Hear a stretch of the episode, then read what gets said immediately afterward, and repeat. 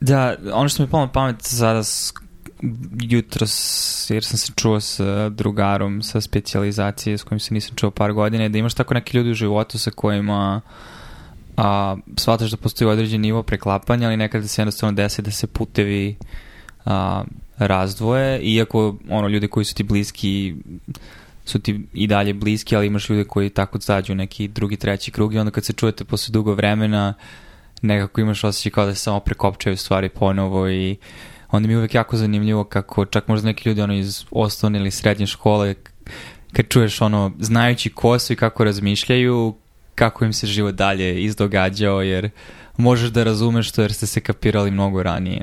Ne znam da li razumeš šta hoću da kažem. Mislim da razumem. Mislim, to znam po par ljudi koje sam... Uh, Umberto, na primer, koji da. živi u Napolju i sa kojim sam provao dosta vremena, mislim, u Finskoj kad smo bili mesec, mesec i po dana. A, on je malo stariji, sad je psihijatar, to je da završi pulmologiju. Um, ali imamo, iako imamo, mislim, potpuno različite, mislim, različito godište, relativno, različite pozadine, mislim, on je italijan, uh, Uh, imali smo slič, jako slične uh, misaone procese. To, to mislim. Tako da, uh, bukvalno, mislim, vidimo jednu stvar i onda krenemo da pričamo o nečemu što je na pet nivoa udaljenosti od te jedne stvari, ali nam je misaoni proces išao u istom smeru. I onda kad imaš tako preklapanje mislom procesu, uvijek je zanimljivo da vidiš šta je onda taj mozak, po znacima navoda, šta se desilo tri godine kasnije i kako su završili, jer znaš kako razmišlja i onda jako je zanimljivo kako im se život dešava. Dobro, srećom, sa njim sam ostao u kontaktu preko Whatsappa, tako da znam u kom smeru mu išao život i već planiramo dogovoreni brak između naše dece. Ok. ne, mislim, naravno, i, i, ali realno, znaš, s obzirom da je život kako te navede, često se desi da ne možeš da održiš sve te kontakte mogućim, jer bi onda provodio svakodnevicu u kontaktima, ali i onda se tako desi da neko ko ljudi s kojima si bio dosta blizak, jednostavno naš prođe šest meseci godinu dana, nekad i dve godine da se ne čuješ i onda je zanimljivo. Ne znam, po tim sam utiskom od, od, od jutrošnjeg razgovora sa, sa tim drugarom. Tako. Da, ali hm, to je tačno, ali je jako redko mislim, broj takvih ljudi u bilo čijem životu je, mislim, jednocifren, možda čak i manje od pet. Ne znam koliko takvih ljudi može da postoji. Osim ako nemaš neki veoma tipičan mis, način razmišljenja tako da se tako poklopiš sa dosta ljudi, ali to, to bar nije moje iskustvo, ne znam. Ok, onda imam malo tipičniji način razmišljanja. Ja sam malo više basic. mislim, ne, ne, ne, ne znam koliko takvih ljudi može da bude. Pa, ima i drugi deo te funkcije, to je ekstroverzija i interakcija sa ljudima. A, jer ako je neko po defaultu introvertan, manje šansa da će naići na nekog. I naravno, postoji čitav domen preklapanja, nije sad kao da se preklapaš s nekim jedan na jedan. Slažem se, znači... Ne bih voleo da pričam s osobom koja je identična meni, to bi, to bi bio... Znam, ja imam uh. to iskustvo. uh. Ne, hvala. I razmišljao sam i o tome, znam kakav sam bio kad sam, kad sam bio dete, mm. ne bih mogao da podnesem takvo dete u svom životu. Zato postoje osnovna škola i zato postoje sileđije, da te nauče da... A sa tim nisam imao problema, s, s obzirom da, da sam bio gabarita, iako sam bio među najmlađima u odeljenju, bio sam po visini i težini na, na u 99. percentilu, generalno. Ok. Ne, znam, zašto gledajući sada i sećajući se neke stvari ako su iskrivljene, um, naravno sećanjem i subjektivne su perspektive, slažem se da sam ja vrlo verovatno bio iritantno dete u školi. U smislu, nemaš kontrolu uh, nad onim što govoriš i ne sataš kako to potencijalno može da utiče na drugu osobu i da li to njih zanima i, ili ih možda čini da se osjećaju neprijatno, neprikladno. I... Da, ali mislim da u školi nisam imao tih problema. U ško... Pre škole sam volio da ispravljam ljude u izgovoru, jer se, da li možeš da zamisliš, nisam se previše družio sa drugom decom, tako da sam uglavnom srpski učio sa TVA, ali je TV tada bio, mislim, RTB sa, sa malo boljim izgovorom nego, nego što sada može da se čuje. A, mislim, ako živiš u Jagodini, imaš dosta prilike da, da ispraviš ljude u, u izgovoru i padežima. Mm, da. Ja, ja pričam varijantu šumadijsko-vojvođanskog iz Vitoperenu pančevački naglasak koji, koji mene napušta, koji po mnogim ljudima zvuči kao kada bi neko pričao beogradski naglasak, trujeći se da bude malo bezobrazan, tako da to su mi ljudi govorili. Ili možda samo su mi ti, ti ljudi misli da ja zvučim bezobrazno, nemam pojma. Mada kad čujem neke pančevce da pričaju, shvatim, shvatim šta hoće da kažu. nije, nije normalan izgovor, čudan je izgovor. Ono. Dovoljno je drugačiji da, da, da deluje kao da nešto tu nije... Mm, mislim da sam izgubio osjećaj da tako uh, da tako granulirano gledam na izgovor srpskog. Mislim, mo mogu negde da te stavim u Vojvodinu, ali baš Pančevo, teško. Mm, možda nisi imao kontakte sa ljudima iz Pečkereka i Zrenjanin. Oni imaju dosta drugačiji, Severni Banat ima dosta drugačiji akcent iz Južnog Siguran Banata. sam, siguran sam, ali ne, nemam toliko sluha, ne znam da li si primetio. Da, to da. Um, ali ovako i dobro, znači kao dete koje je odrastao u Jagodini 80-ih i kasnije posle ulozi Peberte 90-ih, kako se doživljavao svoj lični identitet? Očigledno je bio donekle podvojen od, barem izgovorom, od tvog lokalnog miljeja. Pa više nije kad sam krenuo u školu. Mislim, ne znam, ni, nisam...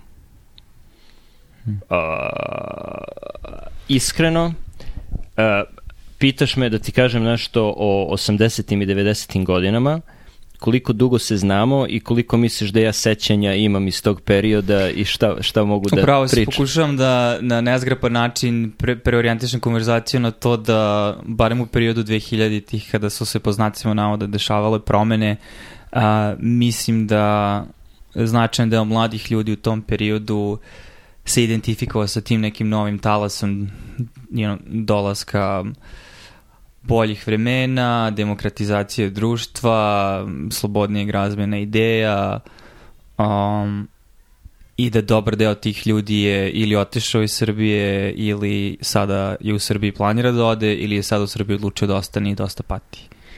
Mm.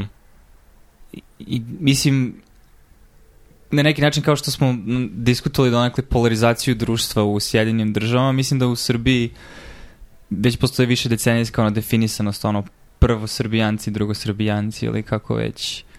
Um, I ono što sam počeo da se pitam je u stvari koliki deo mog ličnog identiteta je um, zaista pripada nečemu što bi se moglo smatrati ono čime većina ljudi u Srbiji se služi da bi izrazilo taj identitet. Jer sam naletao neke ono razmene komentara po socijalnim mrežama, naravno koji nisu verodostojni u potpunosti, ali kad razmisliš čime se ljudi bave, um, dosta je vremena prošlo u stvari ono što shvatam. Mislim, meni već pet godina, tebi deset i mislim da smo se u velikoj meri i sami promenili i, i dosta nekih stvari koje misliš da su deo tvog identiteta kad se vratiš. Mislim, ni, ni jedan ni drugi nismo bili dugo u Srbiji, ali um, su se Da. izgubile. Uh, mislim da teško je sad da, da, da kažem kako je bilo pre 10-15 godina, mislim ne znam, ne znam kako sam tačno razmišljao pre godinu dana, a kamoli pre, pre 10 godina, ali mislim da se naše generacije tu malo razlikuju, jer sam ja 83. godište, koja je prva generacija koji nisu bili pioniri u osnovnoj školi, bio sam tu kada se odjednom su uh, nastavnici profesori marksizma postali profesori sociologije, odjednom su ubačene priče o Svetom Savi, uh, hajducima, srpskoj istoriji i, i mnogo više naglaska se bacalo na to nego na, ne znam, drugi svetski rat i partizane. Tako da sam još uvek, bio sam svestan te promene, tako da ono što je ostavilo utisak čini mi se na većinu ljudi u mojoj generaciji je generalno cinizam i nepoverenje prema takvom, e, prema takvom načinu plasiranja informacija. Znači, ta, tako da je u tom smislu većina ljudi koje znam, koje su otprilike moje godište, su malo nihilisti ili bar, znači odbacio si partizane koje su odbačeni kad smo mi kretali u školu, a u isto vreme vidiš koliko je nasilno ljudi koji nisu ono, ništa znali ni o znam, pravoslavlju, ni o svetosavlju, ni o čemu drugom, su odjednom postali veliki pravoslavci i hrišćani i onda si postao ciničan i prema tome, tako da smo mi generalno nepoverljivi, nepoverljivi prema svemu tome, tako da ovo sada vreme otprilike, mislim, uklapa se u naše misalne procese generalno. Dakle, mislim da je tvoja generacija već je prošla, ne znam, 8-9 godina celog plasiranja pravoslavlja, hajduci, itd., Uh, tako da mislim da oni, mlađe generacije su mnogo više u tome i mnogo, mnogo su veći i Srbi pod navodnicima u tom smislu. Tako da, mislim, za mene to nije, nije pitanje, nikad se nismo toliko identifikovali sa tim. Meni je, vi, više sam, više sam jegodinac nego što sam srbin. To, to, to hoću da kažem. Sa, sa te strane smo se više identifikovali sa gradovima iz kojih smo nego sa celom državom koja se više puta raspadala pred našim očima. Da. A s druge strane, mislim, naravno, sećanje vara i isto tako kao što ja sad pričam o ustoličenju nekakvog srpskog identiteta u velikoj meri taj identitet je počeo da se javlja i počeo se da ga prispituješ u ovom trenutku kad si stupio u nešto što je relativno drugačija kultura, ako ništa drugačiji jezik i onda de facto interakcija sa drugim ljudima koji te pitaju o tvojoj pozadini, odakle si, ti na neki način formiraš narativ svog identiteta da da, ja sam došao iz Srbije, ode na specializaciju, bla, bla, bla. Znaš, mislim, uvek, uvek se setim priče drugara koji spominju kad je njegov tata otišao u Ameriku, nije bio nešto ni pretrano religiozan, ali odjednom bio u delu Čikaga i ono, počeo da slavi slavu, da ide u crkvu, jer je to bio deo nekog identiteta koji je barem njemu pomogao da, da ove, koliko toliko ima um, na, stabilan život, jer ono, ljudima je potrebna zajednica i socijalizacija. Tako na neki način mislim da se identitet, barem kod, i ono što čemu sam htjela da pričamo stvari, kod imigranata ili emigranata, u velikoj meri formira reaktivno na interakciju sa novom kulturom ili, mislim, novim prostorom i novim ljudima. Da, ali to je, to je mislim, spoljašnji identitet i unutrašnji identitet koji često mogu i da se razlikuju. Mislim, da. koliko se neko prezentuje kao nešto u spoljnoj sredini, kao mehanizam odbrane ili iz kog, kojeg god razloga, može da dosta se razlikuje od načina na koji samog sebe shvata.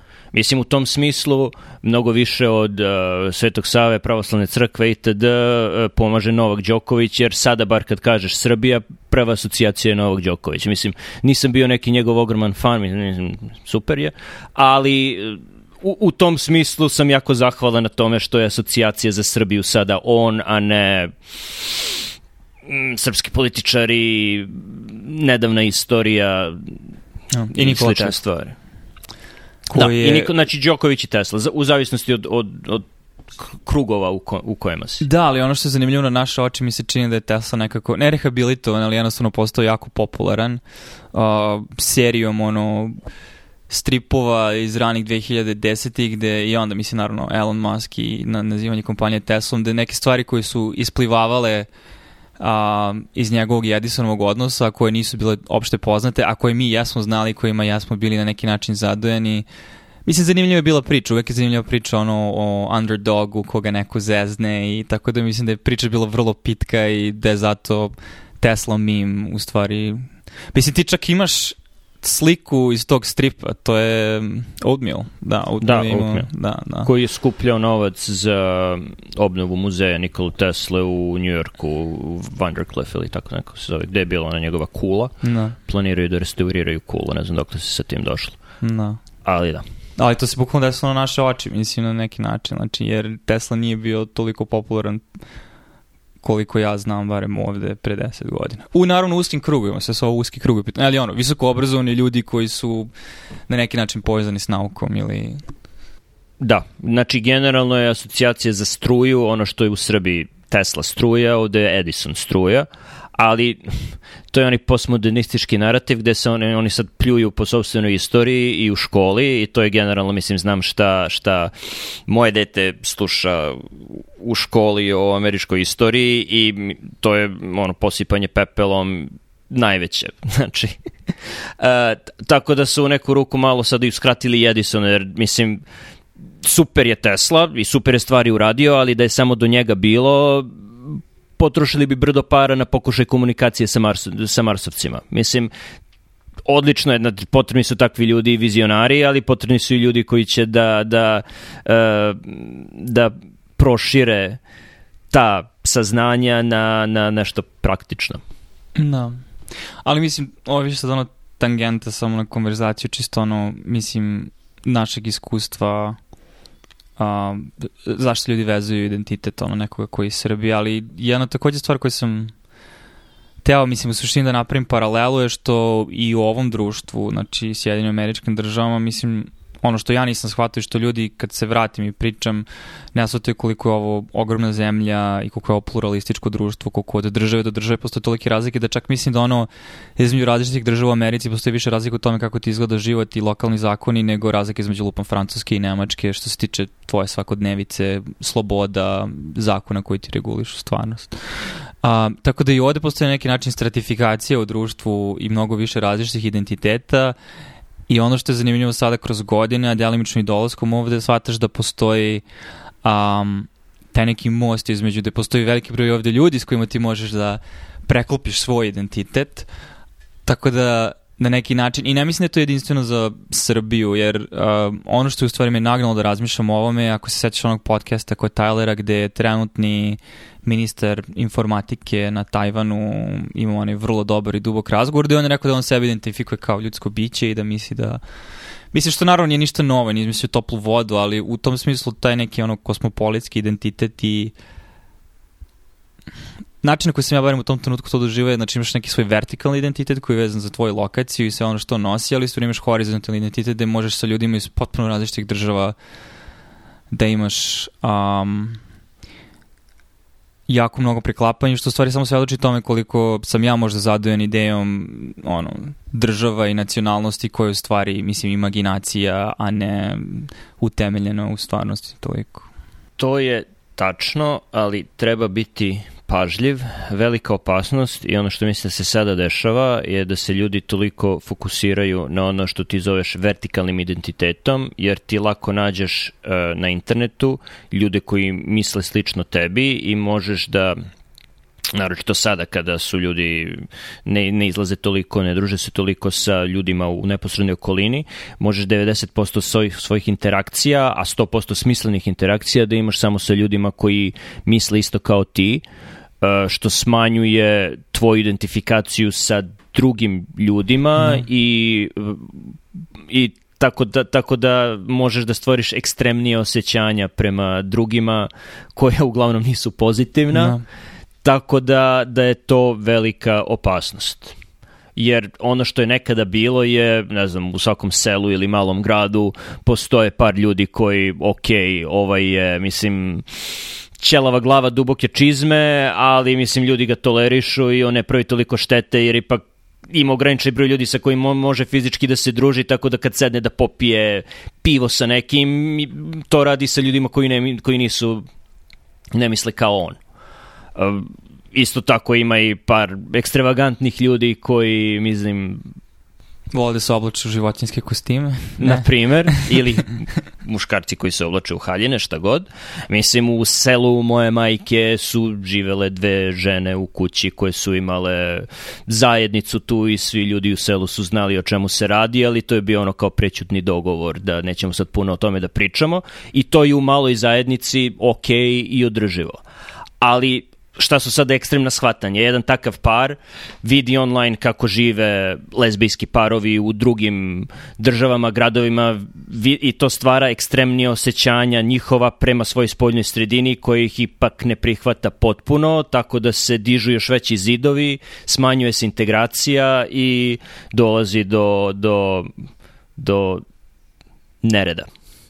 Da, mislim i na neki način to ono, odzvanja taj utisak da mi se bukvalno prevodimo ono sa, engleska echoing the statement ili šta god. Um, a tiče se, mislim, kreiranja vrlo jasnih podvojnih identiteta kroz društvene mreže i kroz um, jer neki način koliko su bile neke pozitivne stvari u smislu a ja volim ovu stvar, lupom, volim da igram ovu RPG igricu koja je izašla 99. godine i nema mnogo ljudi iz, iz moje sredine za koje znam da volim, ali a, super, na internetu postoji ovaj forum gde svi ovi ljudi koji vole ovo se kupljuju i to je pozitivan aspekt svega toga, ali sa druge strane u nekoj meri komunikacija preko interneta i sve više značajnost veza i odnose koje stvarujemo kroz komunikacije na internetu, da li socijalne medije ili druge vrste, ti onda do, dovode do situacije gde možeš onda da se podvojiš više iz tvoje stvarne sredine i da više egzistiraš u tim nekim imagirnim sredinama i da to dalje skalira u to da mi se čini da svi ljudi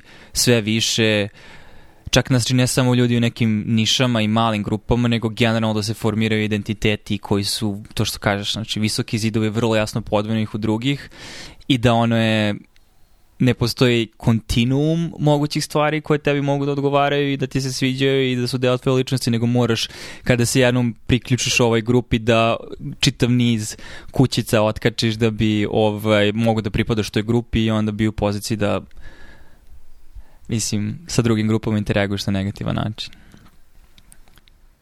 Tačno tako.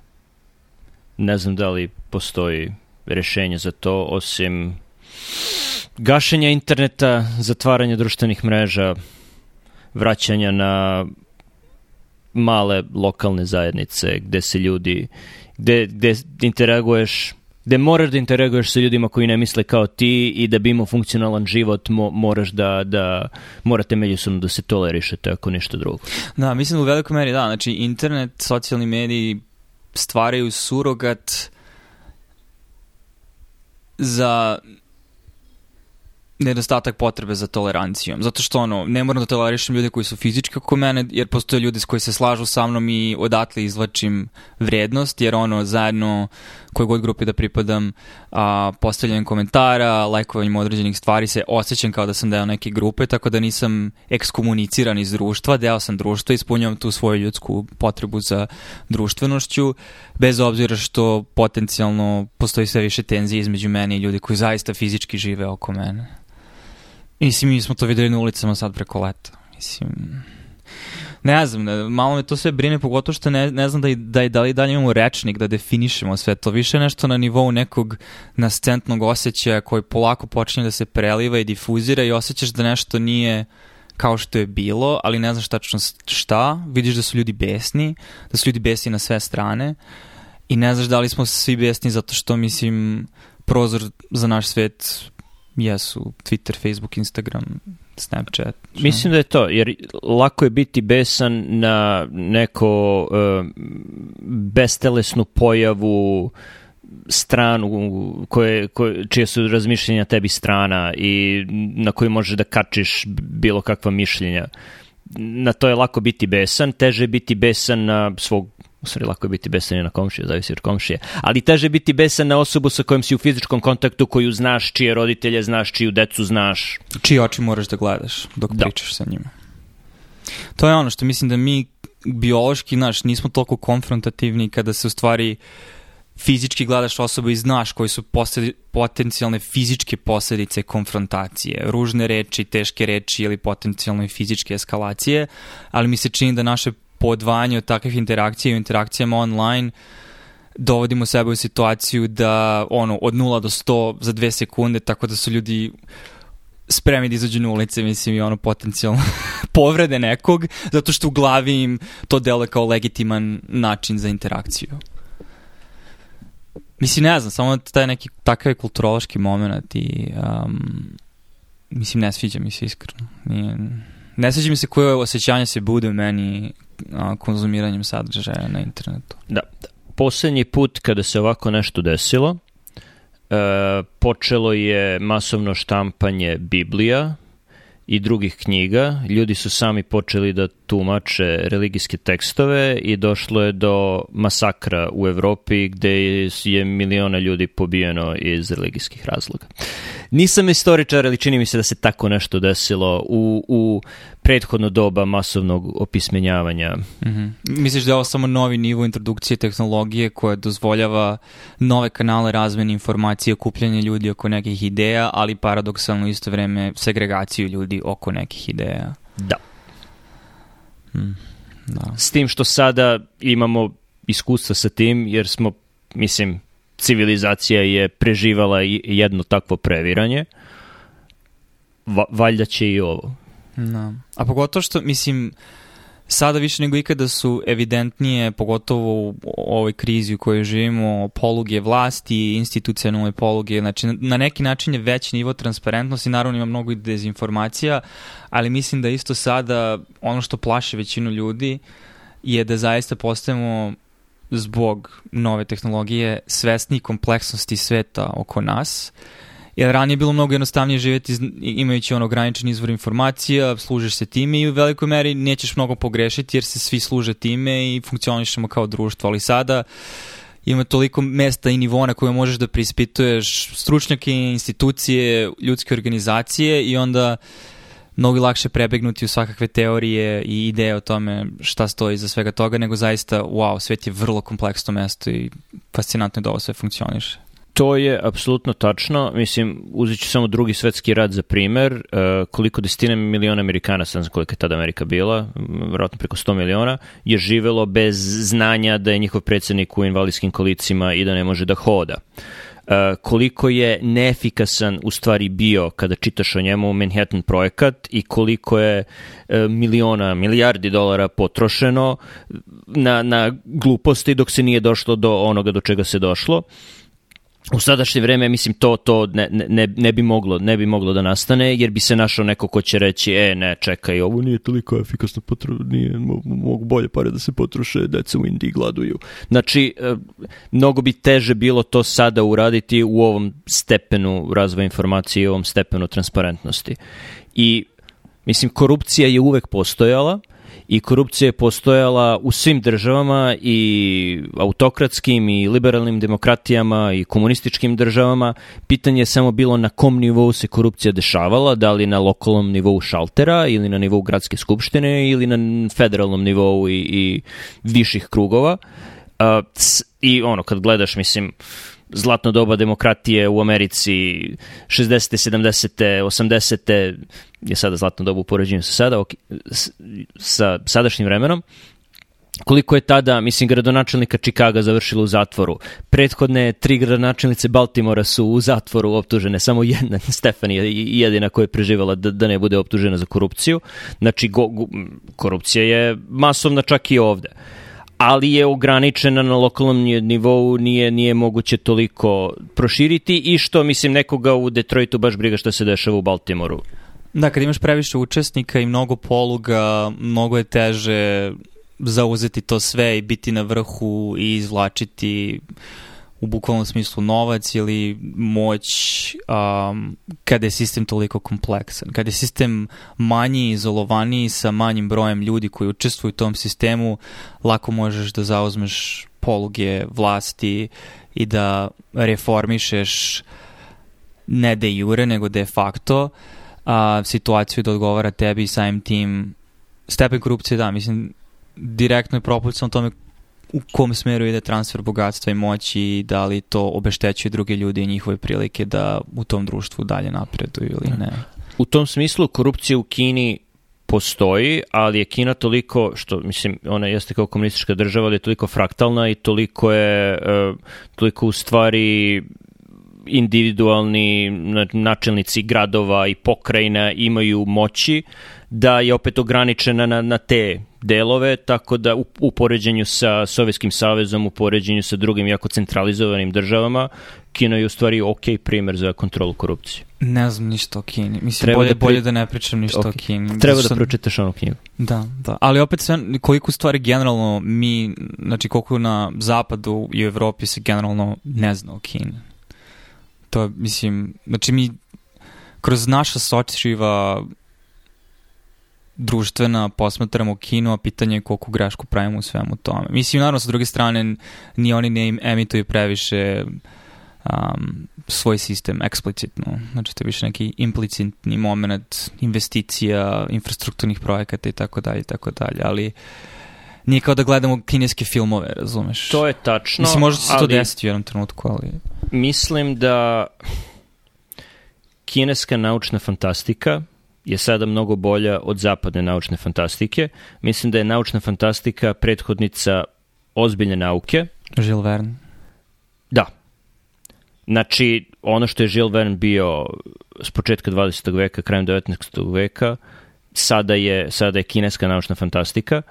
Mislim da oni koji su naučnici koji su emulirali Žila Verne i kojima je to bio uzor, i Artura Clarka i Asimova, mislim da će to raditi u Kini sa kineskom naučnom fantastikom za ne znam koje vreme, ne mogu da predviđam, ali mislim da je generalno naučna fantastika prethod, ozbiljna naučna fantastika, na zapadu je sada to uglavnom naučna fantazija, um, prethodnica je ozbiljne nauke, a ozbiljna nauka je prethodnica ozbiljne ekonomije.